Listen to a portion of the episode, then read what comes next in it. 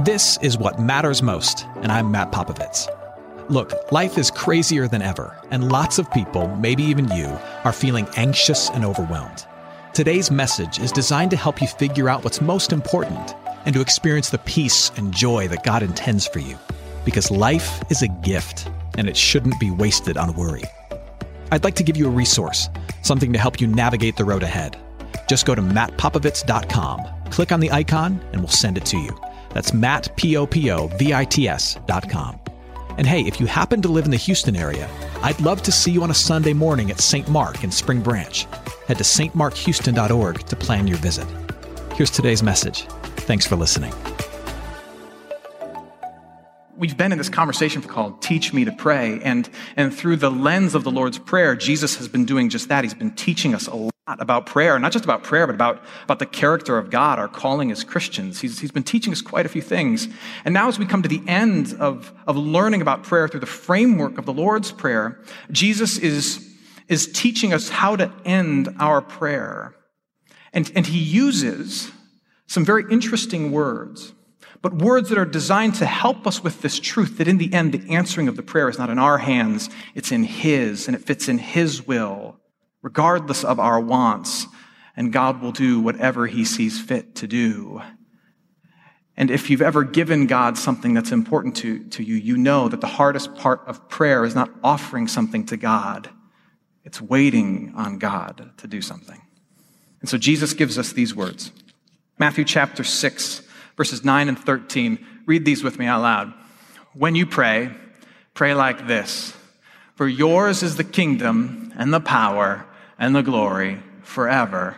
Amen. Now, if you grew up going to church where they said the Lord's Prayer, you, that, that is familiar to you, although it's slightly worded different in corporate worship. For thine is the kingdom and the power and the glory forever and ever. Amen. Now, if, if you are a, like a Bible nerd like me and you kind of read this thing on a somewhat regular basis and you, and you flip to Matthew chapter 6, verse 13, uh, you will notice something has happened in recent years. This phrase in verse 13 that was included in many modern translations of the scriptures is now absent. And the reason is because the, the latest manuscripts that we have of Matthew's gospel, the earliest manuscripts that we have of Matthew's gospel from roughly 60 AD ish or so do not include this little phrase at the end of the prayer. Now, we don't know why Matthew ultimately probably chose to leave these words out, because we do know that in the first century, Christians considered these words as much a part of the Lord's Prayer as the other words of the Lord's Prayer. So, just a little bit of uh, kind of text criticism with you of why this may have happened. The reason Matthew may have left these words out is because it was very common for Hebrews in the first century to end their prayers with those words or words that were similar to them. And so when Matthew wrote down the words of the Lord's Prayer, perhaps his, his motive was to introduce the prayer that was new, that was groundbreaking, that was not known. And so he left out the part of the prayer that was assumed that was always there. That was the traditional way any good Hebrew would end their prayer anyway. It was very common in the first century for a Hebrew, which Jesus and the first century followers all had the tradition of, being Hebrew followers of the one true God. It was very common for them to end their prayers with something called a doxology. And doxology in Greek simply means praise words. Doxa means praise words. Doxology. And these are simple praise words. They actually are have an ancient past from King David. So if you were to flip deep into your Bibles, into the book of First Chronicles, which I know you read all the time, and they call it Chronicles simply because it chronicles the history of the people of God, Israel, thousands of years ago. And you would see that these words have their origin with King David, who was a big deal in the history, not just of Israel, but the history of our world.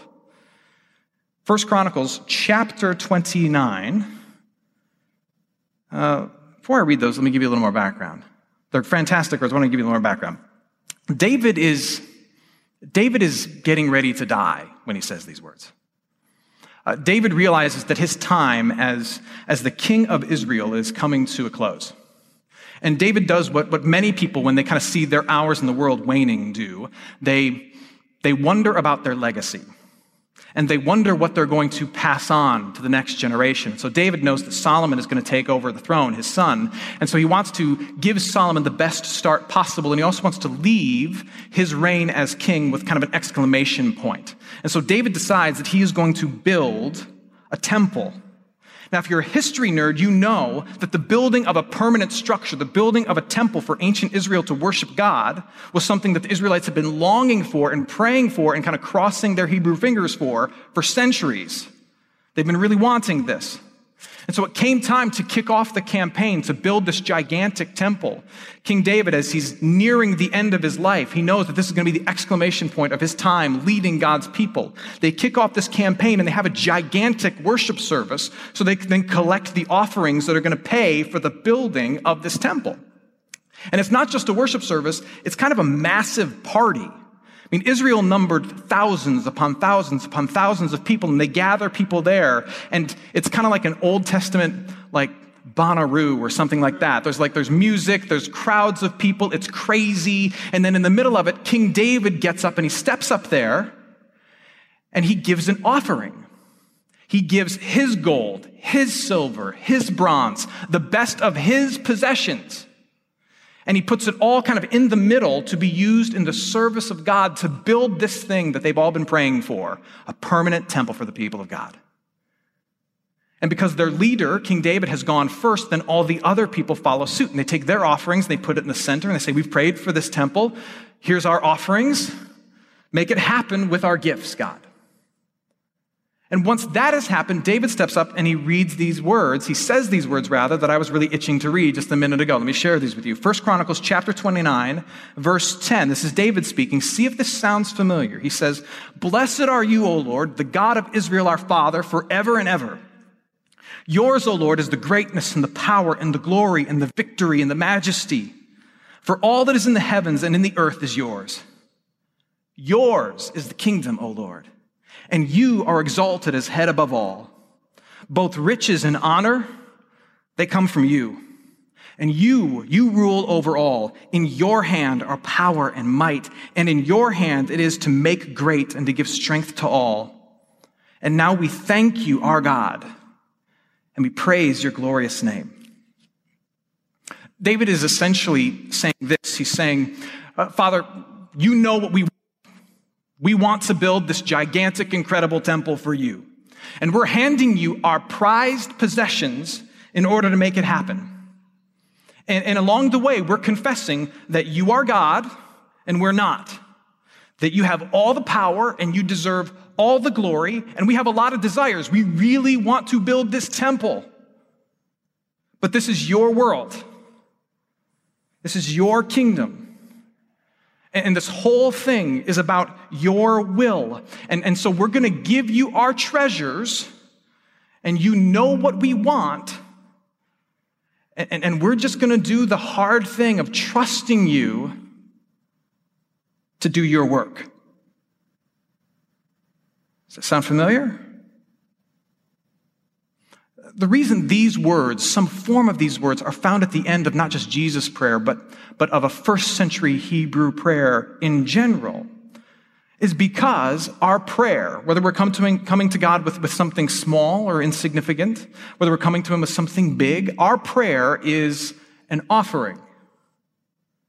Uh, whether you're bringing to God like, like your financial problems because you're broke, there's like broke and then there's where you are uh, or whether you're bringing to God your relationship concerns, or you're bringing to Him your, your worries at work or, or your fears about your future, you are simply doing what David did in 1 Chronicles chapter 29. You are bringing Him your treasure. Your need for your grandmother to be healed of her cancer is your treasure. That is important to you, it's valuable to you. And so you're bringing it to God and you're saying to Him, Here, have this. You know what I want. And, and I'm, I'm choosing to believe that that if I give this to you, you will build something better with it than I can on my own. I believe that this need, though it's so important for me to get the new job, to be healed, or for my relationship to be made whole, that it's better off in your hands than in my hands. And I say that knowing that, that yours is the kingdom, yours is the power, yours is the glory, and it's about your will. not mine. Now, now here's what I know about myself that that attitude, here's my treasure, here's my desire for my relationship with my parent to be fixed. Do what you want with it, God. That attitude is easier said than lived out. And, and, as we end our prayer with these words that are easier said than lived out, yours is the kingdom and the power and the glory forever. It's all about you, it's not about me. We have to admit that, that this only underscores for us how our act of praying and giving to God the things that our heart passionately desires, it is a supreme act, an uncommon act of submission and an uncommon act of trust. Because it is not our natural posture to give someone something that means something to us and say, You do what you see best. You answer this thing that is so important to me as you see fit. That's hard.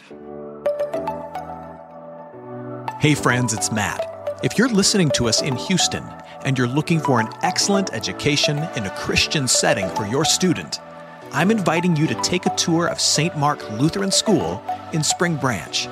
We serve infants through eighth grade with an excellent faculty, brand new facilities, and a faith forward curriculum. To schedule your tour, head to gostmark.org. That's G O S T M A R K dot org to schedule your tour today. St. Mark Lutheran School. It's excellent education for your son, your daughter, your little one. Now, back to today's message. The hardest thing about prayer is not asking God things, but, but leaving God with my things. It's not offering the words to God, it's leaving the issue in His hands and walking away and trusting that He will work it out as He sees fit or at least in my heart and mind to say, I, I know I, I, I, lifted it up to you and I said, Yours is the kingdom, yours is the power, yours is the glory forever and ever. What I really meant was, if you're not going to answer it the way I want it to be answered, then I'm not really interested in your answer. If we're honest, that is often our attitude towards God.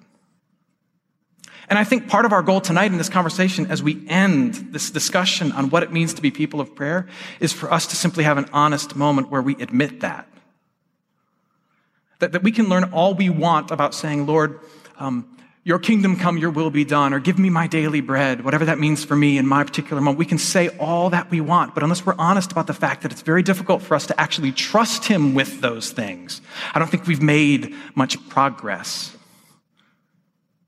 Because our temptation is to grab it back from Him, and that is totally normal.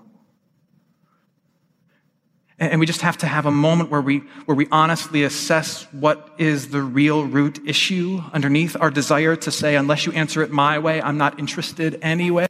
And the real root issue is that we have a problem with the fact that it's God's kingdom and not mine. And that it's God's kingdom and not yours. We have to admit that. Maybe the reason Jesus has us say that is because it's good for us to admit that. It's good for us to confess that it's His kingdom and not ours because deep down, deep somewhere in our soul, that's kind of the big primary issue of all.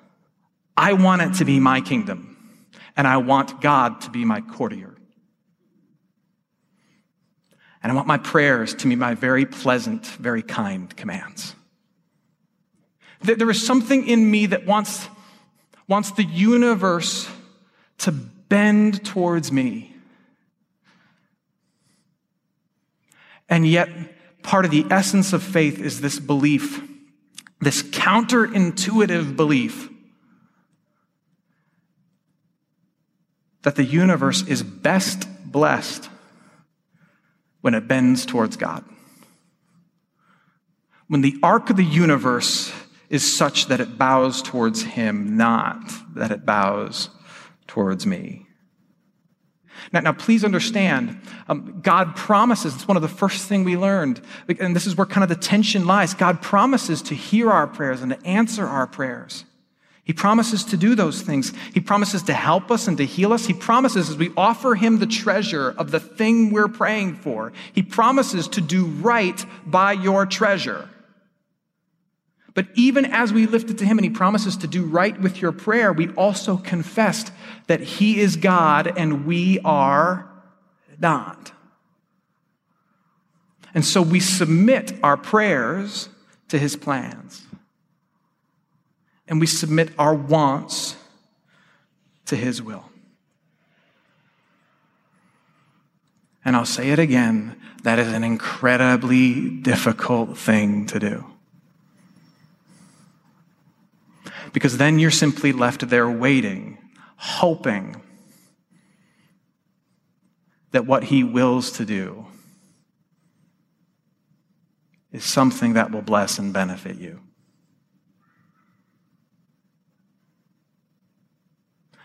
And that is where the rest of the scriptures are instructive for us. Because while the end of this prayer encourages us to say, Remember, your kingdom your power, your glory. The rest of the scriptures remind us that as we wait for God to work, what people of faith are called to do, as they set their prayer down and they offer it to Him, as they walk away from it, they are to walk towards the demonstrated goodness of God. So as I wonder what He's going to do with my thing, I walk towards the accomplished things in my heart and my mind to give me peace as I wait, to assure me that God does have the best in mind for me. So Romans 8, 28 is a fantastic verse if you've been around church for a while and you know these words. If not, these are good ones. Um, tweet them, whatever people do. Um, listen to these words. We know that in all things God works for the good of those who love him, who've been called according to his purpose. So, so what is your all things? There is this wrong belief in evangelical culture that the cross of Jesus Christ is a rear view mirror thing. That it is something that is in my past. It's important. It's like checking your blind spots as you drive.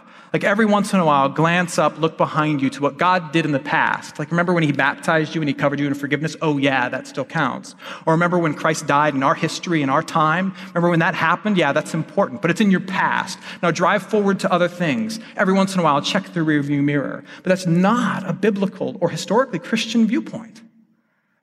The cross of Jesus Christ is not simply an event in our past. The cross of Jesus Christ is meant to be the thing down the road in the future that we drive toward in our heart and our minds that gives us certainty and peace as we wonder about the goodness of God, as we wait on the goodness of God, as we find ourselves in the moments of saying, I know it's your kingdom, but will your kingdom crush me?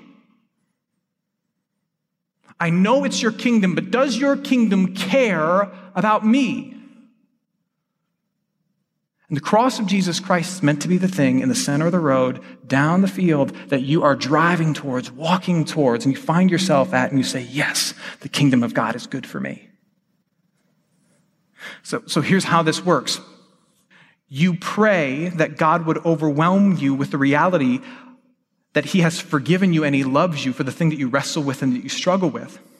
And when you say amen from that prayer, you raise up from that prayer, and in your heart and your mind, you walk toward the truth that through the tragic death of his son, God has earned and bought and solidified your forgiveness. In your heart and your mind, you walk towards that truth. You surround yourself with people who can remind you of that truth and embody that truth. When you pray, when you pray for the tragic loss of your friend or your family member, and you pray for God to comfort, for God to bring goodness out of the craziness. When you say amen to that prayer, you get up and in your heart and in your mind, you walk towards the truth that through the, the tragic death of his own son, God brought beauty out of evil. He brought blessing out of bad things. And that the character of God's kingdom has been made known for you, even as the kingdom allows for things that you can't understand. Uh, when, you, when you pray for clarity in the midst of chaos, when you pray for, for peace in the midst of uncertainty, you say amen, and then you get up from that prayer, and in your heart and in your mind, you walk towards the truth that as you look at the cross, you see two things that God does not work things according to your understanding, but that God does work toward your good. Because in the cross of Christ, you do not see something that any of us would have chosen, but you do see something that demonstrates love for you and that worked forgiveness for you and that makes you his son, his daughter. A, myriad of a thousand different things where God has demonstrated his goodness, but also in looking at the fact that in human history, God has acted in such a clear and profound way that I, that I do not have room to doubt his love for me. That God has acted in a concrete way to demonstrate how he feels, not just about me, but about all of humanity. And so, though I wonder about his goodness, I cannot wonder for long. Because you have concretely demonstrated your love for me. You are not my courtier, but you are incredibly good.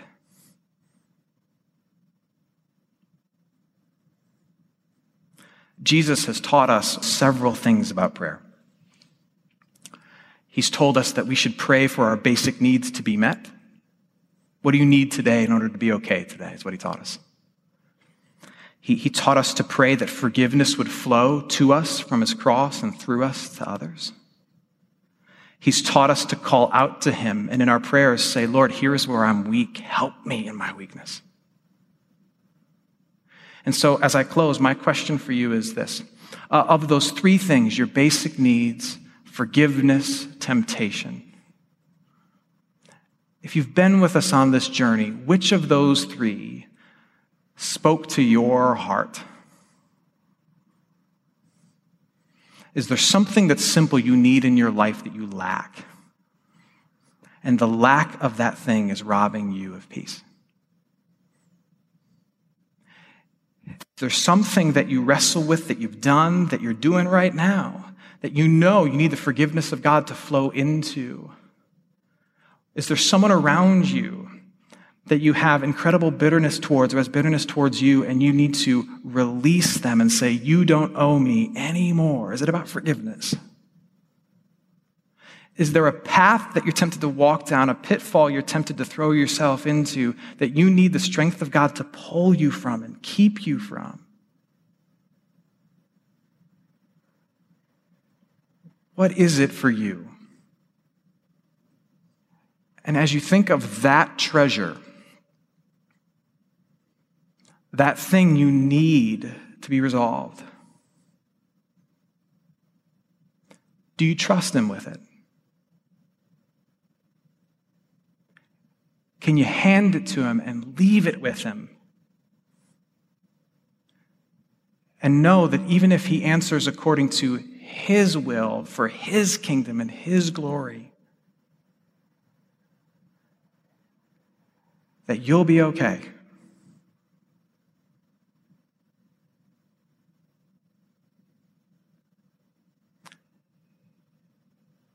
If you can't have peace with that, then my encouragement for you would be to reflect on David,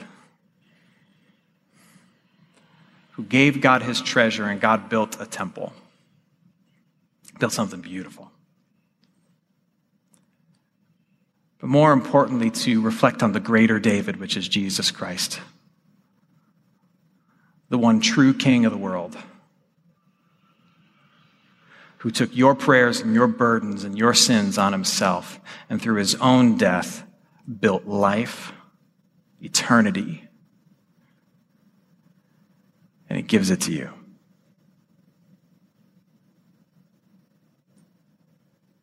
Yours is the kingdom and the power and the glory forever.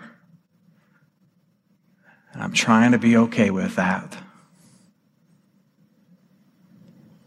Amen. Hey, it's Matt. I hope you enjoyed what matters most. Here's what I need you to know life is a gift, and it shouldn't be wasted on worry. I want to help you figure out what's most important and to experience the peace and joy that God intends for you. So, for more content, you can head to mattpopovits.com. That's Matt, P O P O V I T S.com. There, you can also support this ministry as well as access your free resource, a little something to help you navigate the road ahead. I'd also love to see you on a Sunday morning. If you're in the Houston area, head to stmarkhouston.org to plan your visit. In the meantime, hit me up on Instagram at mpopovits or at facebook.com slash Ministries. Thanks for listening. Now go and hold tight to what matters most.